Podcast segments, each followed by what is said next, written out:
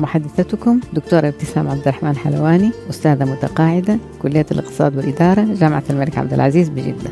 أستعرض في هذا البودكاست مقالات كتبتها في الصحافة المحلية وتم تجميعها في أربع كتب نشرتها قبل عدة سنوات حيث أختار منها ما يتناسب مع واقعنا وأسعى مع المستمعين والمستمعات لمقارنة الحال بين الأمس واليوم بما يخدم الهدف الأساسي لكل موضوع. عبر عن حبك. ذو القعدة 1421 هجرية.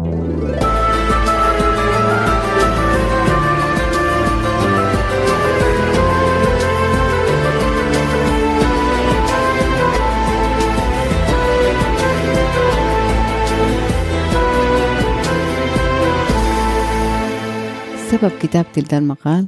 قراءة المقال يفيض بالحب بشكل كبير جدا من شخص مات صديقه فنعاه في في الجريدة بمقال جميل جدا.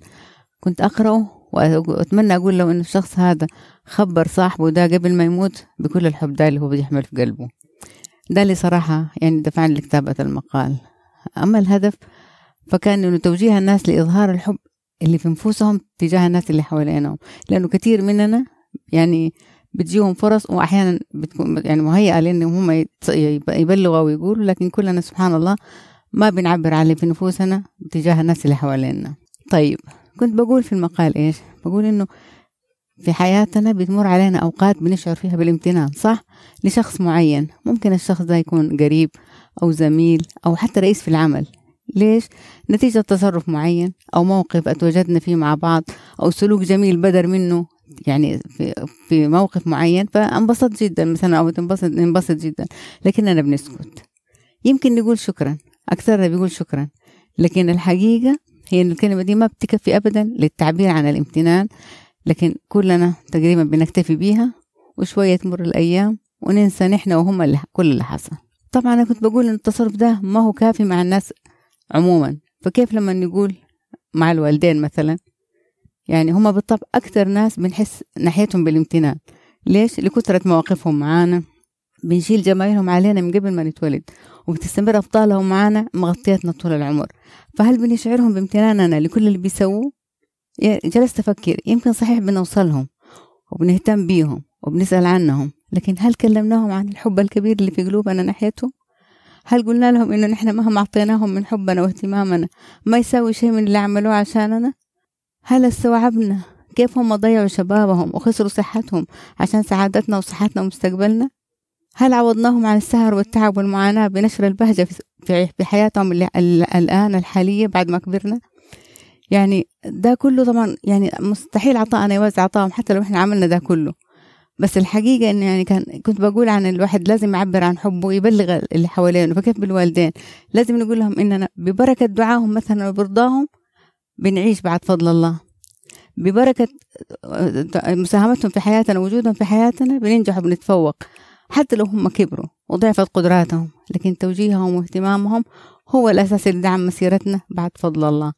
وهي يعني الجهد اللي عملوه هو اللي عملنا نحن وساعدنا على النجاح. فكنت بقول في مقالي إنه سبحان الله الواحد ما يتخيل الدنيا بوجود بعدم وجودهم. لكن هي الحين في الوقت الحالي هي الأيام مرت وفقدناهم وفقدنا الرضا اللي كانوا غامرين نفوسنا بيه. كفاية إنه باب الجنة اللي كان وجودهم فاتح لنا هو راح والحمد لله على كل حال. لكن بنقول كل واحد فينا يجب إن هو يتذكر الشيء هذا. في مقالات كثيرة بنكتبها أصحابها للآباء والأمهات بعد ما يموتوا ونقرأها دائما فكنت برضه لما نقرأ مقالات برضه زي كده أرجع أقول هل الابن ده ولا الابنة دي وصلوا لآبائهم أو لآبائهم وأمهاتهم مشاعرهم الجميلة هذه؟ هل عرفوهم حجم الحب اللي في قلوبهم ليهم وبينوا لهم أهمية وجودهم في حياتهم؟ الحمد لله إنه أبوي وأمي قرأوا المقال ده وأسعدهم جدا لكانوا عايشين لما كتبت المقال ده. فيا ريت إنه كل واحد مننا يعمل الشيء هذا مع والدينه ومع اللي حوالينه. طب نيجي للناس التانيين اللي إحنا بنعيش في وسطهم. أقارب أو زملاء أو أصدقاء أو أي ناس بنتعامل معاهم بتتعدد المواقف معاهم ياما مرت بنا سلوكيات أو تصرفات منهم ملت قلوبنا بالرضا والامتنان لكننا أحيانا بدافع الخجل ما نقول ولا نتكلم ولا نعبر لهم على اللي قلبنا طب ليه؟ طبعا في ناس صراحة نوعية من الناس أصلا هي ترفض التعبير عن الشكر ولا عن الرضا ولا الاعتراف بجميل الآخرين. هذا معروفين في ناس في, في ناس كده. حتى لو عملت لهم أي حاجة ما, بي ما يعني طبيعتهم. لكن الناس الإنسان العادي الإنسان السوي يعني ما بيطنش المفروض. ولا ولا يعني يترك الأمر بدون بلا مبالاة. إنما أنا يعني يجب انه هو الإنسان العادي الطبيعي انه هو ما يط يعني ما ما ما يقصر في القيام بدور أو بالتعبير عن مشاعر الحب في نفسه. الحياة ترى مليئة بالطيبين واهل النيات الطيبه وبعدين كلنا نعرف كلمة قيمة الكلمة الطيبة اللي بت... اللي مو بس بتعطينا الأجر وإنما تفتح لنا مجال لردود الأفعال الإيجابية وبتعزز العلاقات الطيبة اللي بين في بين الناس. وبتقضي على أي شيء سلبي في النفس حتى لو كان في حاجات سلبية من الأول. هذا بالنسبة للمقال اللي كتبته. كيف الوضع اليوم بالنسبة للتعبير عن الحب؟ الحقيقة انتشر الانشغال عن الآخرين طبعا كلنا عارفين. مهما يعني اقتربوا من الآخر من بعض أو التصقوا حتى مستجدات العصر من وسائل التواصل الاجتماعي بأشكالها والانغماس في عالم الإنترنت بكل ما يحتوي طبعا هذا صار بياخد يعني الناس من, نفسها. فبتلاقي إنه فرصة التواصل صارت لكن الآن يعني يعني قصدي بالرغم من هذا كله فرص التواصل صارت أكبر وصارت كثير من رسائل الامتنان أو الشكر بتترسل من خلال الوسائل دي. والأهم من ده كله إنه حتى الأبناء اللي كانوا مثلا يعني بيخجلوا أو بعضهم ما بيقولوا بنلاقي منهم بتعجبهم رسائل معينة أو فيديوهات معينة فيها آه، مثلا تعبير عن الحب تجاه الأمهات والآباء أو أو تعبير عن يعني مشاعر حلوة بيلاقوا بيبعثوها مثلا لوالدينهم أو لأصدقائهم أو لأقاربهم. فطبعا دي الفيديوهات كلها بتعلم الإنسان كيف يقول وفي نفس الوقت بتديله فرصة إنه هو يعبر عن مشاعره للآخر.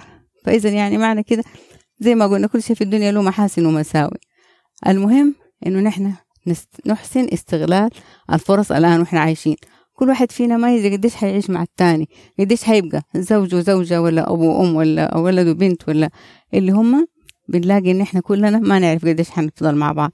إذا لازم نستغل كل فرصة للتعبير عن الحب. حتى مع أولادنا وبناتنا. مو بس نقول إحنا مع أمهاتنا وآبائنا إصلاح مطلوب لكن حتى مع أولادنا وبناتنا الحياة مو بس أوامر وتكليفات ولف نظر ونصح وتوجيه. لا يعني حلوة لما إحنا نظهر لهم الحب والامتنان ونظهر لهم إحنا راضيين عنهم. لازم إحنا نشعرهم بحبنا. الأزواج والزوجات هذه مهمة جدا وأساسية بينهم الكلمة الطيبة. كل واحد يمكن بعض الناس يحسوا إنهم هم بيضعفوا لما يقولوا كلمة حلوة. بالعكس الكلمة الحلوة دي هي اللي قيمتها هي اللي ترفع من المعنويات وهي تعزز العلاقة الحلوة الطيبة اللي في نفوس الناس.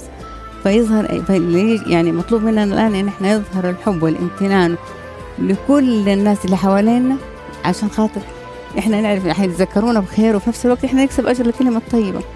فهي رسالة للجميع صراحة. انشروا الحب في كل اتجاه. كل ما تنشروه كل ما تحصدوا أكثر. وهذا اللي مطلوب مننا جميعا.